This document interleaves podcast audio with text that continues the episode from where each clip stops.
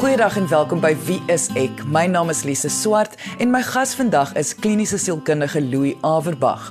Nou, diegene wat gereeld na ons program luister sal weet, ek en Louis praat baie keer oor verhoudings en verhoudingsterapie en hoe verhoudingsmaats kan werk in hulle verhoudings of om probleemareas dalk te identifiseer. En vandag gaan ons weer so 'n episode doen. Vandag gaan Louis 'n praktiese oefening vir verhoudingsmaats gee waar hulle probleemareas net kan identifiseer. Wat hulle dan met daai probleemareas gaan doen, sal ons weer in 'n ander episode bespreek, maar dit is altyd belangrik om dit te identifiseer. Dit is nou spesifiek vir verhoudingsmaats wat voel hulle is gelukkig in hulle verhouding of hulle wil dalk net 'n bietjie meer werk aan hulle verhouding, want die punt bly maar altyd staan.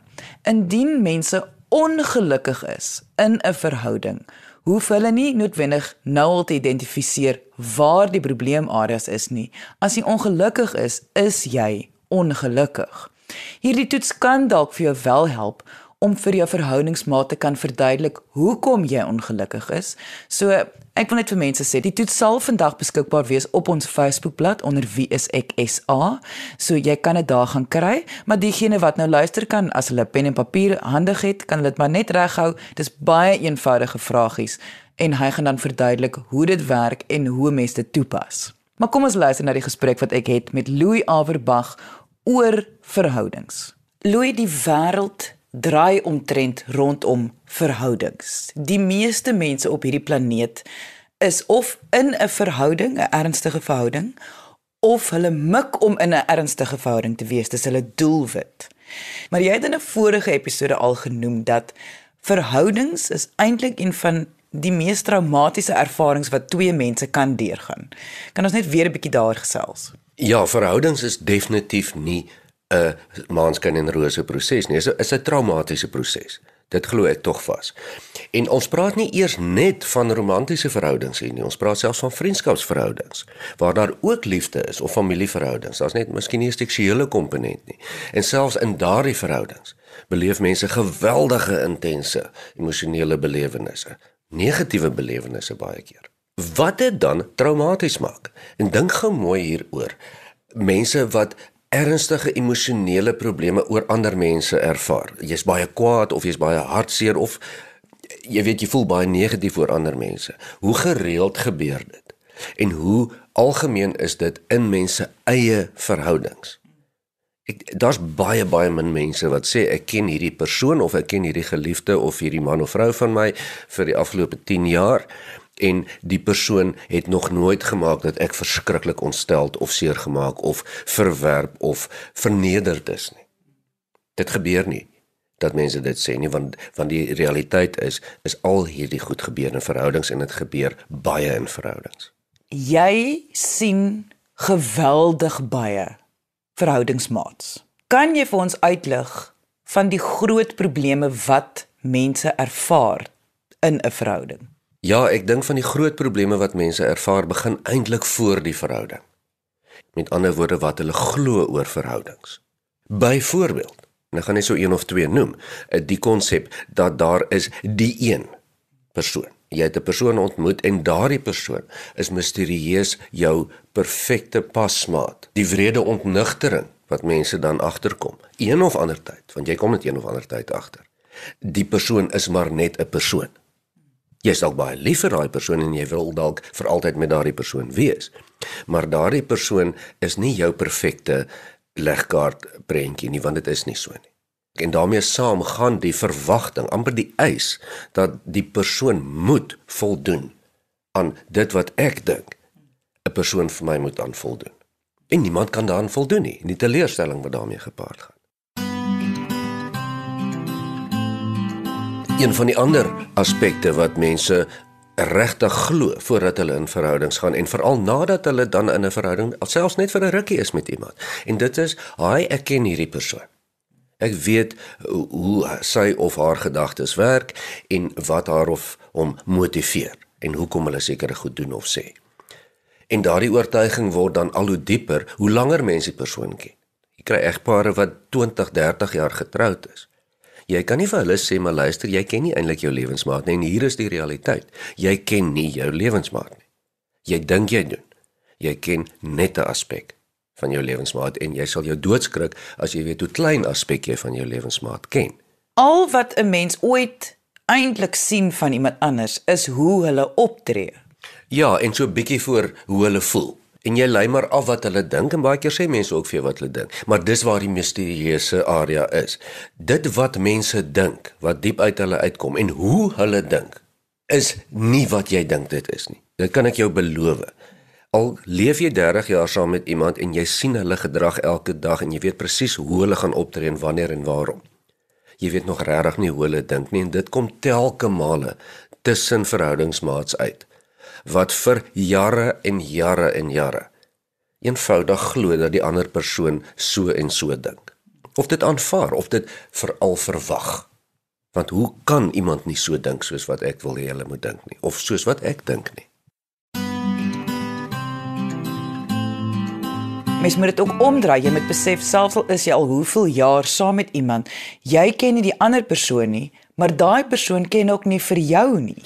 Ja, en, en ek gaan vir jou 'n voorbeeld noem hiervan. Ek wil nie nou baie nes oopmaak nie, maar ek gaan sommer dink aan pornografie.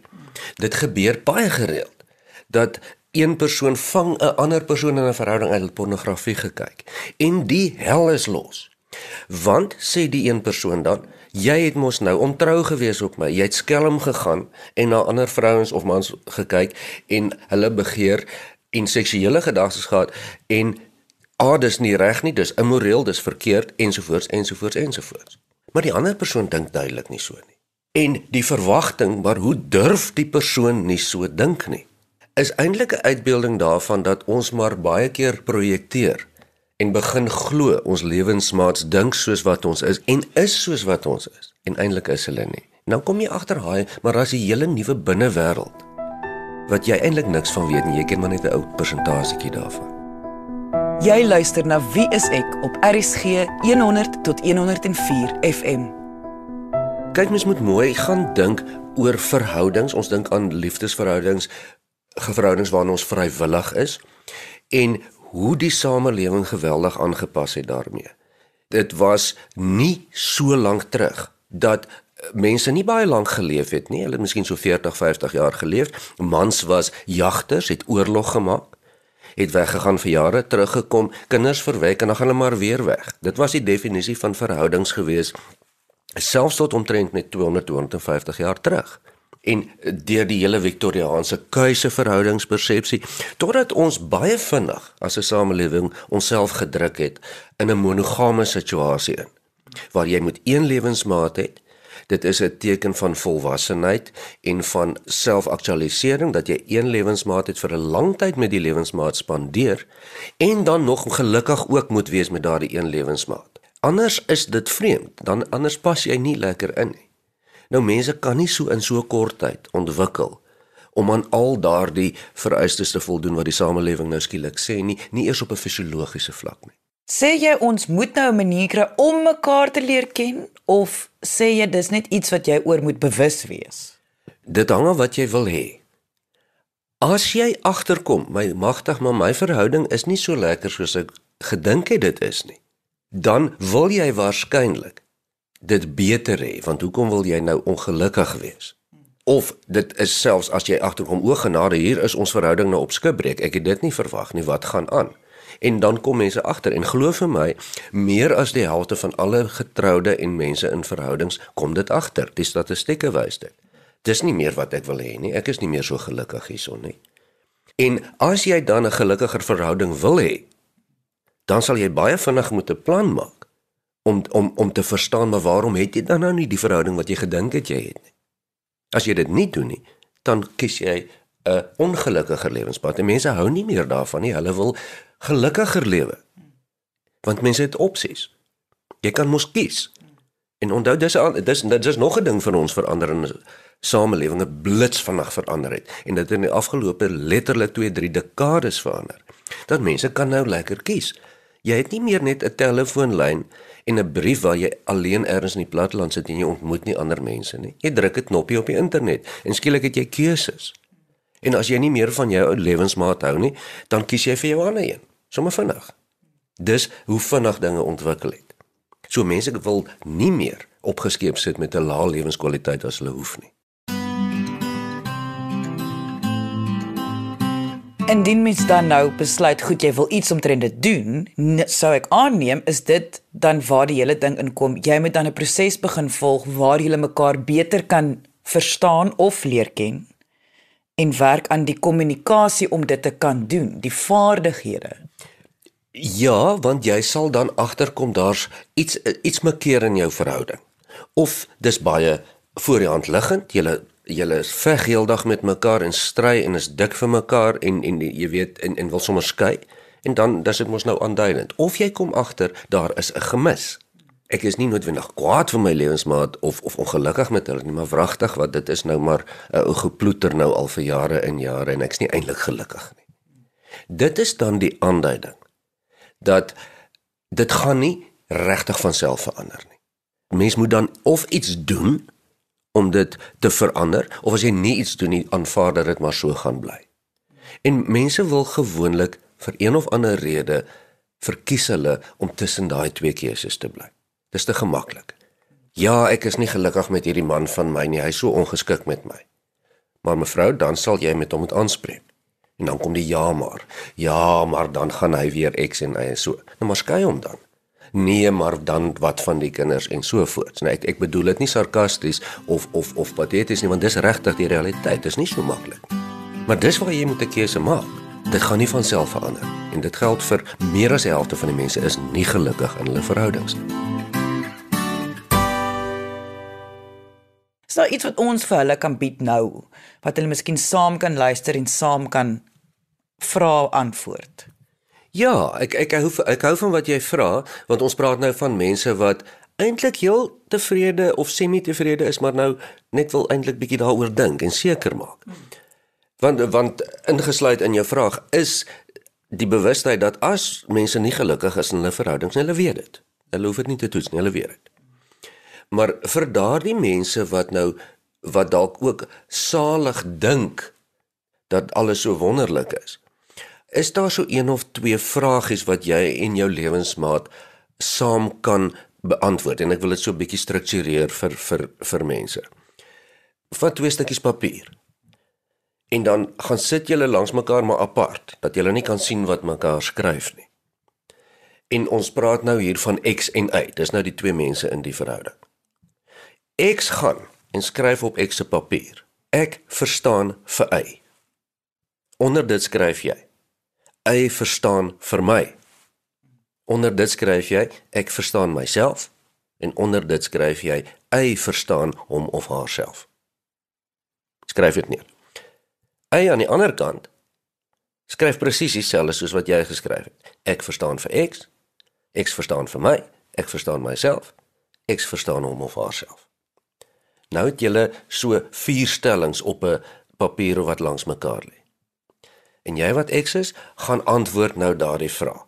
Volgens jou, is dit so of is dit nie? So staan ek verstaan vir hy, dan sê jy ja of nee. Hy verstaan vir my, ja of nee. Ek verstaan myself ja of nee en hy verstaan hom of haarself ja of nee. En aan die ander kant van die papier sit hy mos nou en skryf dieselfde. En as jy albei klaar neergeskryf het, dan kyk julle nou na mekaar se antwoorde. En dan kyk julle waar het julle mekaar gemis? As ek sê hy verstaan my, maar hy sê nee, ek verstaan nie vir X nie. Dan het julle mos nou 'n groot kol tussen julle wat julle nie van geweet het nie. Jy het gedink jy verstaan vir hy, maar hy dink nie jy verstaan vir X nie. So dit is waar mens kyk waar daar wat mens sê amper 'n mis, mens noem dit sommer 'n misverstand. Want hierdie misverstande is nie is nie doelbewus nie en dit is die tipe dinge waaroor mense eintlik beklei. Dink gou mooi hieraan. Ja, jy luister nooit wat ek sê nie. Jy wil nie vir my hoor nie. Ek het dit nou al vir jou duisend keer gesê. En daarom gaan mense dan skryf hulle nee, maar my lewensmaat verstaan my nie. Want as hulle my sou verstaan het, sou hulle gou luister het wat ek sê. Glo dit of nie. Maar baie keer kom die lewensmaat en sê, "Maar ek verstaan jou." Jy dink net ek verstaan jou nie. Jy verstaan my nie. En dis hoe mense dan gaan om probleme op te los. Hulle begin stry daaroor. ondervind jy nie wanneer jy hierdie oefening met verhoudingsmaats doen dat amper soos 'n 'n 'n ordentlikheid is pootjie hulle nie. Nie regtig nie. Daar's met een of ander twee ander uh, aspekte wat mense kan bespreek waar mense mekaar nie wil seermaak, maar dis juist die probleem hierso. As mens dan tot die konklusie kom dat uit hierdie analise wat jy neergeskryf het, sien jy hy magtig ek dink hy verstaan haar. Maar hy sê hy verstaan haar nie. Dis nou wat jy raak sien. Is dit bloot wat dit is? Dis al wat dit sê.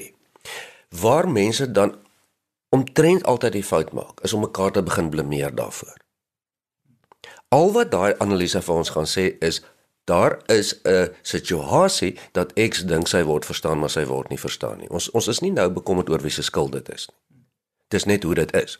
Nou dink gou vir 'n oomblik hier. As jy kan dit kan identifiseer. Ek loop rond in my huwelik of verhouding elke dag en ek dink my lewensmaat verstaan my. Maar sou waar as wragtig my lewensmaat verstaan my nie. Dan het jy mos 'n groot probleem. Of dit al uitgespeel het in julle verhouding of nie, miskien is dit nog die begin van die verhouding en daardie wanpersepsie of misverstand het nog nie begin inskop nie, maar inskop gaan hy inskop. Want as daar so misverstand is, kan ek jou waarborg daar kom probleme uit. Goed, so jy met ander woorde sê nie nou die oplossing nie. Jy sê dis net nodig om daardie feit te identifiseer. Ja. Jy moet daardie feit identifiseer. Daar's so twee of drie ander goed wat ek kan noem as jy wil. En dit is dieselfde ding wat jy op die papier kan gaan neerskryf. Die tweede ding wat jy neerskryf, skryf daar as jy X is, ek gun vir y om hom of haarself te wees eigen vir my om myself te wees. Ek gun vir myself om myself te wees en eigen vir hom of haarself om haarself te wees. En dan doen jy dit nou aan die ander kant om. Ek gun my om myself te wees, ek gun vir X om hom of haarself te wees ensovoorts ensovoorts. Nou gaan kyk jy weer. Nou gaan kyk jy nou maar wat het die een gesê en wat het die ander een gedink wat nie so is nie. En baie keer is dit interessant, nê? Ek het gedink my lewensmaat gun hom of haarself om haarself te wees maar lyk my nie sy doen nie of hy doen nie. En dan kan ons gaan kyk ook na die laaste een. Wat mens kan kyk, jy hoef net na hierdie drie areas te gaan kyk. Die laaste een wat jy kan gaan neerskryf X en Y is om daardie basiese vertroue in mekaar te te hê. En ek praat nie van vertroue oor buiteegtelike verhoudings nie. Ek praat van vertroue as 'n persoon. Jy het vertroue in iemand. En dit is dan die derde aspek wat ons wil hê X en Y moet gaan neerskryf. X gaan skryf: Ek het vertroue in Y. Y het vertroue in my, ja of nee? Ek het vertroue in myself en Y het vertroue in hom of haarself.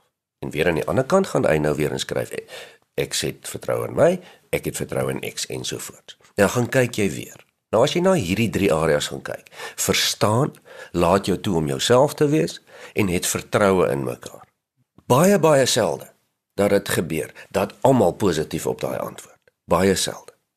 As jy dit kan doen en dit is regtig mooi deurdink en so dan is jy op 'n goeie pad. Daar's nie altyd moeilikheid in verhoudings nie. Daar's moeilikheid in die meeste verhoudings.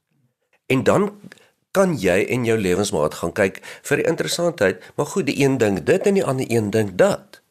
En natuurlik lok dit nou 'n reaksie uit. Maar hoe kan jy dink dat ek het nie vertroue in jou nie? Natuurlik het ek vertroue in jou. Hoe durf jy dit dink of sê? En dis gewoonlik die roete wat mense gaan, maar dis nie wat ons hier wil hê nie. Wat ons hier doen is net 'n toetsie, net om te kyk, is jy so op dieselfde golflengte as wat jy gedink het? Of is daar die vaag gevoel van jou, jy sê jy is nie lekker op dieselfde golflengte nie, jy konnekteer nie lekker nie. Hy of sy gee nie regtig ag op wat jy sê nie. Is dit 'n 'n akkurate waarneming van jou? Jy weet, van hier af is natuurlik 'n heel ander proses. Maar die belangrikste is om dan te geïdentifiseer en agter te kom o genade. Hoe ek dink die ander persoon dink is nie noodwendig hoe dit is nie. Jy luister na Wie is ek op RSG 100 tot 104 FM. Dit kom met ander woorde daarop neer dat een hierdie is net 'n identifiseringstoets. Dit is eintlik maar net om lig te sit op 'n area wat meeste mense nie kan identifiseer nie. 2, dit kom terug om te bewys jy dink jy ken jou lewensmaat. Jy doen nie noodwendig nie. En jou lewensmaat dink jy dalk ken hulle en jy doen nie noodwendig nie. Ja, En net weer eens die belang daarvan is die belang daarvan is dat as jy nie verstaan hoe jou lewensmaat se kop regtig werk nie, dan maak jy 'n hele rolprent in jou eie kop van hoe jy dink dit is. En dis wat ons in elk geval doen, maar ons moet dit net nie te ver vat nie. Want dis waarvoor ons kwaad word en waaroor ons ongelukkig word en en bitter seer kry vir die lewensmaat in ons kop. Nie vir die regte persoon nie. Want as dit vir die regte persoon was, het almal daardie persoon gehaat of almal was bitter lief vir daardie persoon. Dis net jy wat soek na jou lewensmaat kyk. En dink dis hoe jou lewensmaat dink of voel of uh, uh, uh, gemotiveerd is en baie keer is dit so. Maar baie keer is dit nie so nie. En regtig, ek sien dit en my kollegas sien dit dag in en dag uit met met lewensmaats. Ek net praat van welfunksionerende, hoogs intelligente mense. Ons almal sit met daardie ding dat ons bou ons eie realiteite op en ons word kwaad vir ons lewensmaat wat nie aan ons realiteite voldoen nie.